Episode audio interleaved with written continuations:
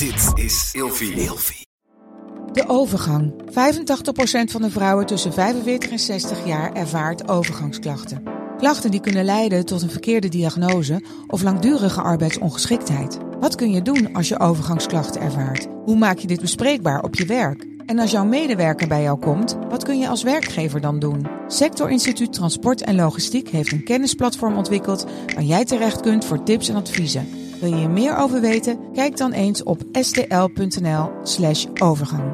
Gezonde voeding en beweging zijn al van kinds af aan een belangrijk onderdeel van mijn leven. Via Atida Pure heb ik nu een persoonlijk advies gekregen waarbij ik suggesties heb voor mijn dagelijkse benodigde aanvulling van vitamine en mineralen. Bij Atida Pure geloven ze niet dat iedereen hetzelfde is en dat iedereen wat anders kan gebruiken aan voedingssupplementen. Er zit 15 jaar aan ervaring in de supplementen, ze zijn wetenschappelijk onderbouwd en van de hoogste kwaliteit. Dus wil jij, nou net als ik, goed voor jezelf zorgen, lekker in je vel zitten en bewust met je lijf omgaan? Met de code Nienke ontvang je nu 50% korting op je eerste bestelling. Check de website van Atida Pure in de show notes en maak vandaag nog jouw eerste bestelling. Welkom bij een nieuwe aflevering van Ilvi.com, waarin seksuoloog en relatietherapeut Nienke Nijman elke week met vrienden, bekenden en familie praat over alles op het gebied van seks, relaties en liefdes. In de rubriek De Specialist praat Nienke deze keer met Francine Nijman-Dubois. Francine zat vanaf 1975 bij de eerste groep fysiotherapeuten die zich bezig ging houden met bekkenklachten. Sinds 2005 mag zij zich bekkenfysiotherapeut noemen en zij heeft 25 jaar lesgegeven aan collega's over dit specifieke onderwerp. Daarnaast is Francine auteur van twee vakgerelateerde boeken. In deze aflevering bespreekt Nienke met haar moeder diverse seksuele problemen in relatie tot de bekkenbodem. Francine Nijman, oftewel uh, mijn moeder. Um, klopt het als ik zeg dat je 40 jaar als bekkenfysiotherapeut hebt gewerkt?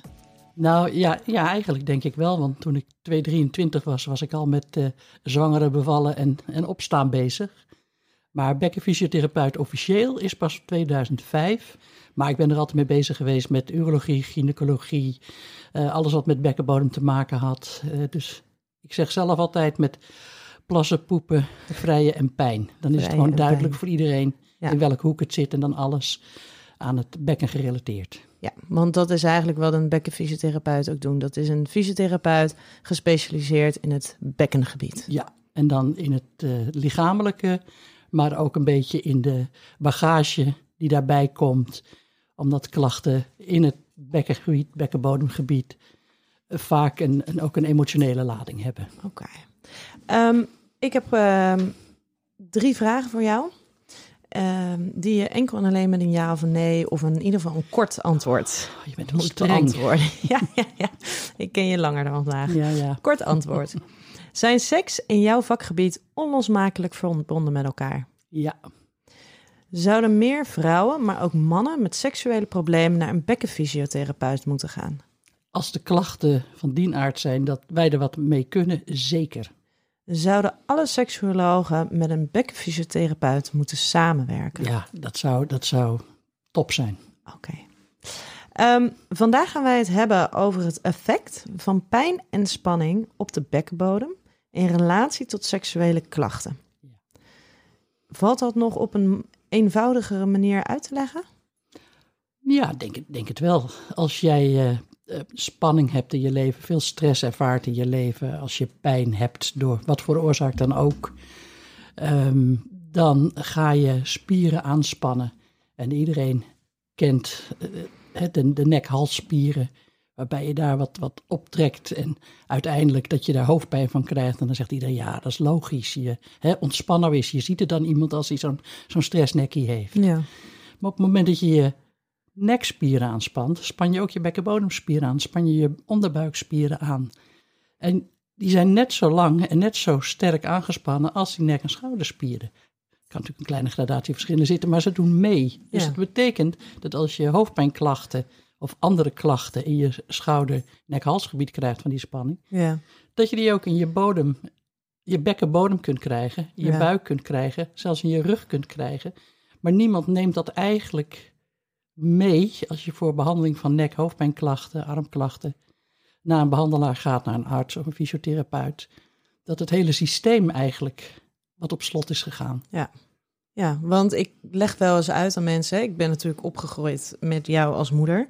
Ja. Eh, en ik merk dat dat binnen mijn, eh, binnen mijn vakgebied eh, in ieder geval tot het voordeel heeft geleid dat ik heel snel geneigd ben om de optie tot een bekkenfysiotherapeut in ieder geval mee te nemen. Maar ik leg dan ook wel eens uit dat mensen eh, eh, inderdaad niet nekspieren, eh, spieren in hun rug, dat dat spieren zijn waar mensen zich heel erg bewust van zijn. En als ze die te veel aanspannen, dat ze daar merkbaar last van krijgen. En dat ze daar ook eh, eerder geneigd zijn om iets mee zelf te doen. Of inderdaad door middel van een fysiotherapeut zich daarbij te laten helpen. Maar dat die bekkenspieren, dat die eigenlijk heel erg onbekend zijn bij heel veel mensen. Maar dat is ook zo. Maar iedereen praat wel makkelijk over zijn hoofdpijn. Ja, Maar niet over zijn bekkenbodempijn of zijn pijn bij vrijen of andere problemen bij het vrijen ontstaan door te veel aanspanning in de spieren van je buik en je bekkenbodem. ja want Het, het, het is gewoon geen onderwerp wat je, wat je makkelijk bespreekt. Nee, maar is het, heeft het enkel alleen daarmee te maken? Of is het ook gewoon ehm, een stukje onwetendheid Onwetend, over het ja. belang van die bekken? Bij eh, nou ja, dat je ze dus zoveel gebruikt. Eigenlijk bij het aanspannen van zoveel spieren in je lichaam. Hè, het, het verbindt letterlijk je onderlichaam en je bovenlichaam aan elkaar. Dus het is heel vaak, zo niet altijd actief. Ja. Dus is het alleen de om, nou ja, het, het, het, de, het schaamtevolle, het ongemakkelijke, of is het ook echt wel een heel groot stuk onwetendheid? Ik denk dat het een stuk onwetendheid is. En, en als je het iemand vertelt en, en, en laat voelen, dan zeggen ze: Oh ja, want het is eigenlijk heel logisch. Als je het weet, dan weet je het ook. Dan denk je ja, logisch. Ja, Maar je moet wel weten dat die relatie bestaat. ja, En ehm, dan nog eh, denk ik dat je makkelijker naar je huisarts stapt als je veel last van je nek, schouder, armen hebt. ja, Dan eh, ja, misschien ook wel buikpijnklachten, ga je ook wel heen, maar dan word je bekeken op allerlei eh, mogelijke afwijkingen. En als die er niet zijn, dan zegt de, de dokter, ja, heel vervelend, maar het zijn wat mij betreft onbegrepen buikpijnklachten. Ik kan er niks mee, je bent niet ziek, je hebt wel last, maar je bent niet ziek. Nee. En als ze goed geïnformeerd zijn, dan weten ze dat die mensen juist naar de bekkenfysiotherapeut ja. moeten. Maar Kijk, zijn, zijn ze goed geïnformeerd? ja, dat wordt steeds beter. En dan hebben we het natuurlijk over de jonge generatie Ja. huisartsen. Maar dat is, dat is een, een, een proces. Het vak is pas officieel sinds 2005. Ja, Dus we hebben nog heel veel, heel veel stappen te gaan.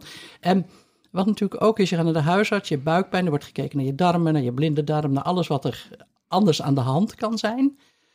Want dat zijn de, de, de wat meer risicovolle aandoeningen. ja, Ja, een chronische pijn is een chronische pijn. Als je hem al tien jaar hebt, dan ga je niet in jaar elf daar plotseling aan dood.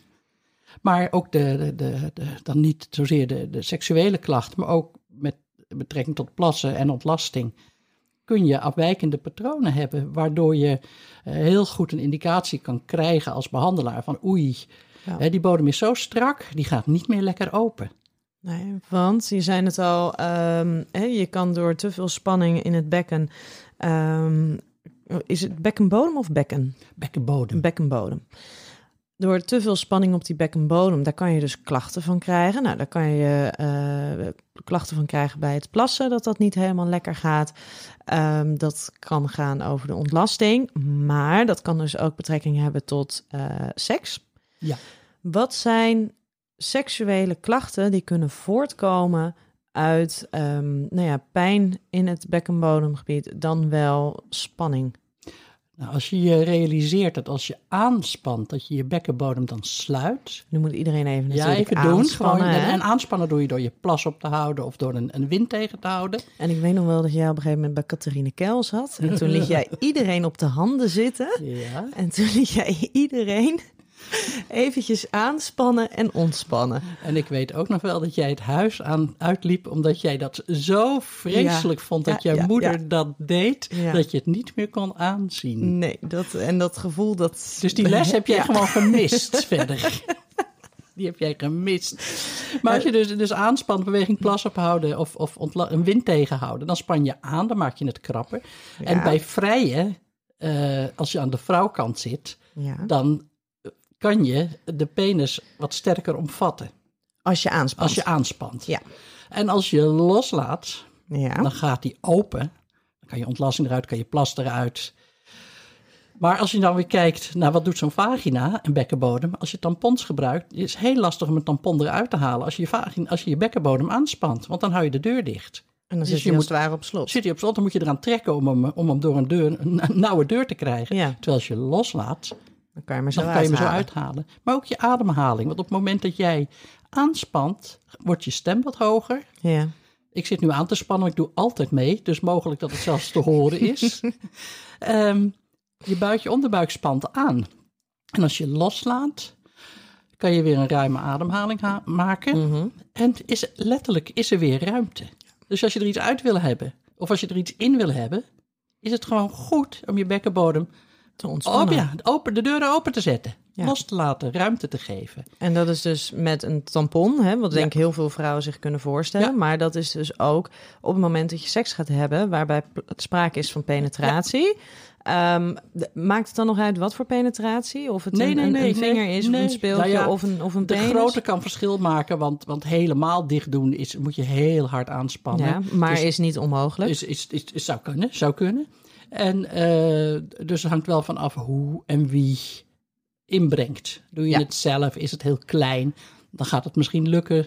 Eh, maar op het moment dat het te hard is, te agressief, te groot is, lukt het niet. En er komt ook bij, als je slechte ervaring hebt, nou, dan lig je er al klaar voor. Dan denk je, nou, het zal wel weer pijn doen. Dus dan zit je adem hoog en je bodem dicht.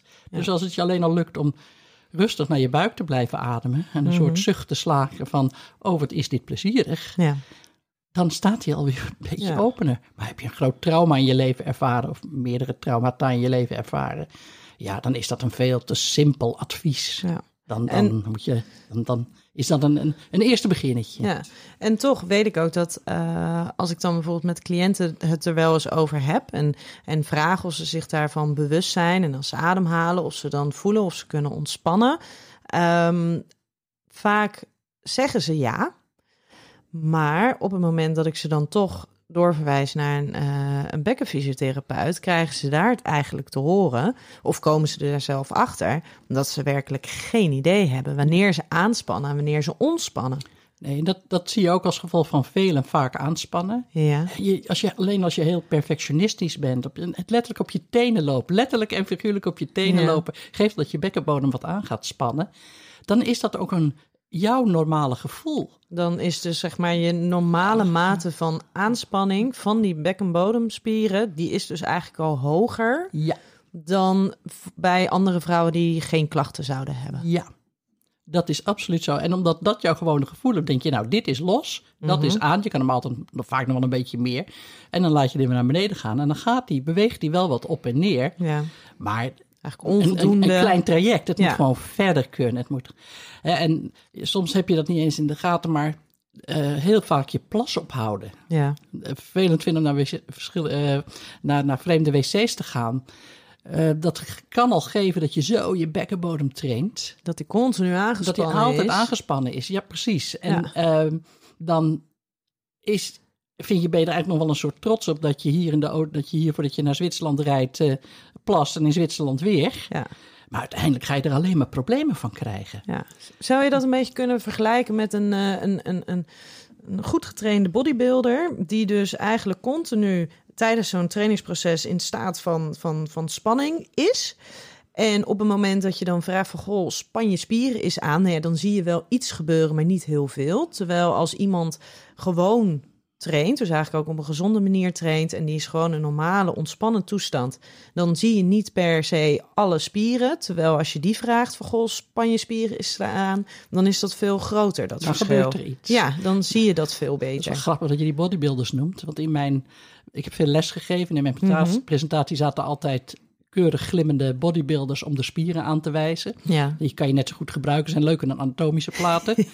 En ik, hebben ze altijd van die hele kleine broekjes aan, zowel de mannen als de vrouwen. En dan dacht Mhm. ik altijd, zou dat bodempje nou net zo klein zijn als dat broekje? Zou dat ook meegetraind zijn? Of zou Ja. iemand ze verteld hebben, nou, die moet je toch nog wel eens even loslaten? ja. Dat heb ik nooit gesteld hoor, die vraag, maar dat heeft wel altijd mijn nieuwsgierigheid geprikkeld. Want, want is dat een risicogroep? Zijn dat eh, zijn bodybuilders, zijn fanatieke sporters? ehm, ik kan me voorstellen, dansers, mensen die paardrijden. Vanuit- Zijn dat risicogroepen? Ja, dat, dat ehm, kan je zeker zo zeggen.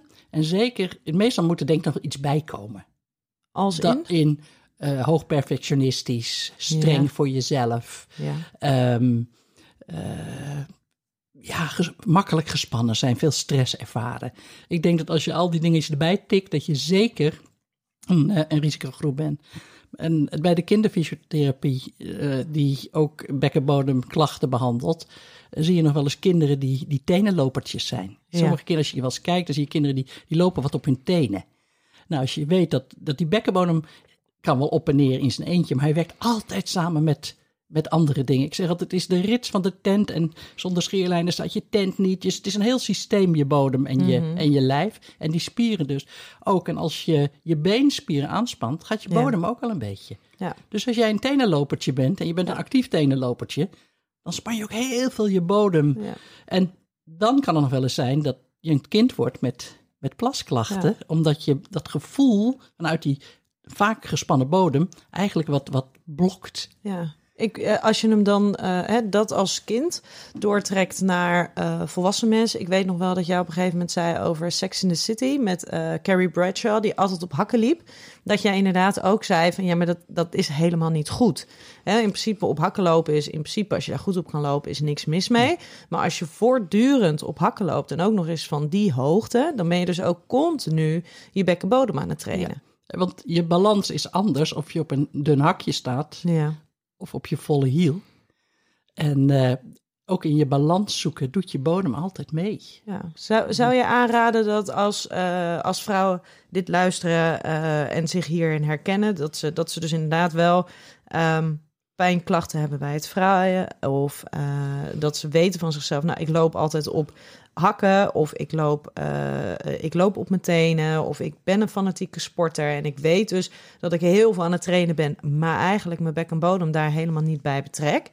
Zou jij hen aanraden om ehm desnoods dus als, gewoon als een check-up naar een bekkenfysio te, Ja, te gaan? zeker als ze, als ze klachten hebben met vrijen. Maar ook als ze of heel weinig plassen of heel veel, moet je de norm weten. Vijf tot zes keer op een dag is normaal. Ja. Dus dan weet je of je er heel veel boven zit of een heel stuk onder. Mhm. Dan, dan is dat een indicatie. Als je een, eh, wij noemen dat altijd, eh, althans ik noem dat altijd, een moeilijke poeper bent, Mhm. dan, dan eh, weet je ook dat je die bodem niet makkelijk opent. Dus dat je zoveel ontlasting verzamelt dat het er op een gegeven moment echt wel uit moet. Dus dan heb je niet meer één keer per dag, twee keer per dag of om de dag ontlasting, maar dan zitten daar veel meer dagen tussen. En dan, eh, dan heb je al meer streepjes en de buikpijn, de lage rugpijn, die die niemand snapt eigenlijk. Ja. Want vanuit overactieve buikspieren, hè, weer, weer je, je stijve nekspieren zeg maar, maar dan in je, in je buik, Ja. Kan je ook lage rugklachten krijgen. Als het ware als een soort dwarse lijn over je bekken heen. Dat is, dat is een, een, een, een veel voorkomen, die heb ik veel gezien, die pijnklachten. Nou, als je ergens daar wat kan vinken, dan is het absoluut de moeite waard om naar een eh, bekkenfysiotherapeut te gaan. En het is ook niet zo als je daar komt dat je eh, daar meteen twaalf keer heen moet. Nee, je kan eens een keer heen gaan. Je Kan, hè, dus vragen van... Hoe reageert? ja, w- w- hoe is het met mijn lijf? Ja. Heb, heb je adviezen? Ja. Waar moet ik aan denken? Ja. En die diepe zucht op zijn, op zijn tijd, hè, dat je zegt van... hè, En loslaten en in die zucht. loslaten in die zucht. Ja. En, en je schouders loslaten, dat je geen zucht doet met opgetrokken schouders. Want dat, dat, dat is weer geen goeie. Nee.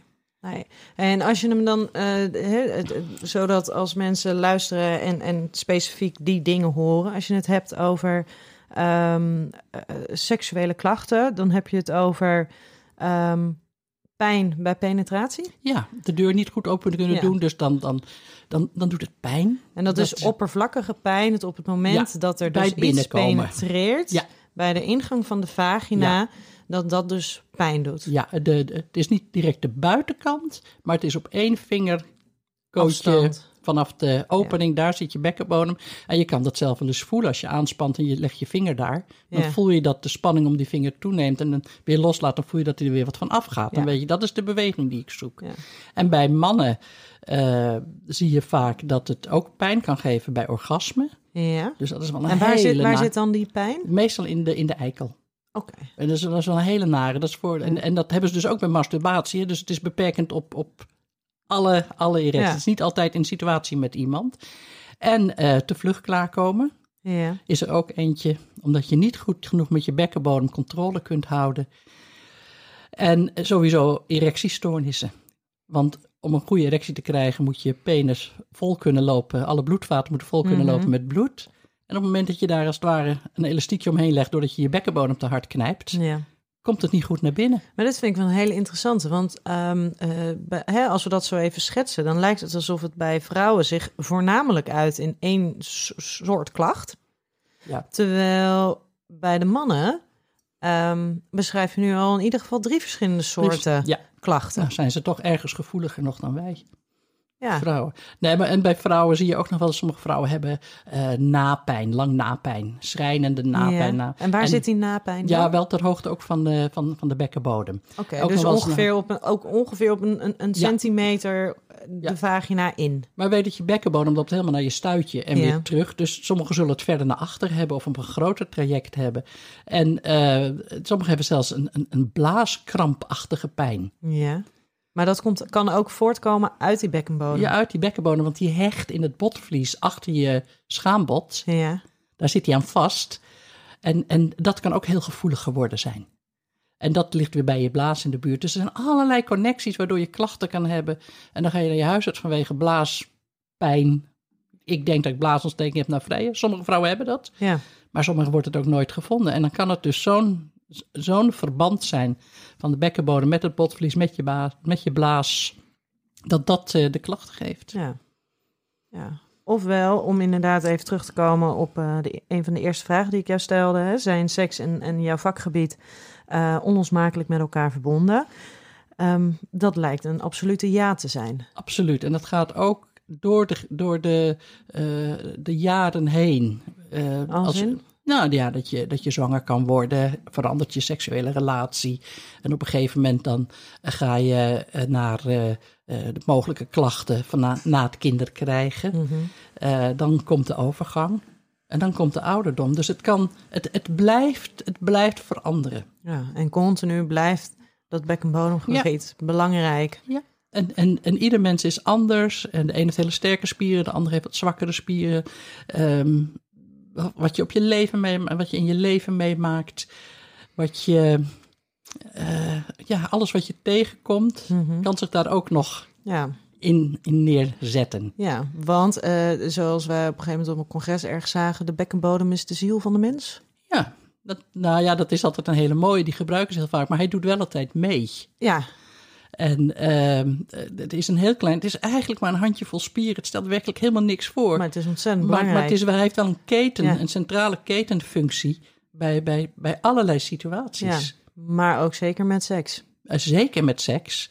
En wat bij mij vaak was, dat mensen met pijnklachten kwamen, rug, buik, maar uiteindelijk hun seks, seksklachten, Dat die naar voren dat, kwamen. dat, dat, dat dat het meeste dwars Ja. zat. Maar dan moet je een stukje vertrouwen hebben. Dat is weer dat, dat privégebied. Ja, ja. Ehm, ik wil jou in ieder geval voor nu bedanken. Ehm, er zijn nog een heleboel onderwerpen, maar die gaan wij bewaren voor, eh, voor andere podcasts. Dus we gaan het nu afronden. Ehm, in ieder geval denk ik dat het wel duidelijk is dat dat bekkenbodemgebied en, eh, en seksualiteit heel erg met elkaar verbonden zijn. En dat het voor iedereen heel goed is om zich daar bewust van te zijn. En op het moment dat je daar dus eh, seksuele klachten ervaart waarvan je denkt van hé, hey, dat zou zomaar eens iets met mijn bekkenbodemgebied te maken kunnen hebben. eh, dat je dan in ieder geval kan overwegen om naar een bekkenfysiotherapeut te gaan.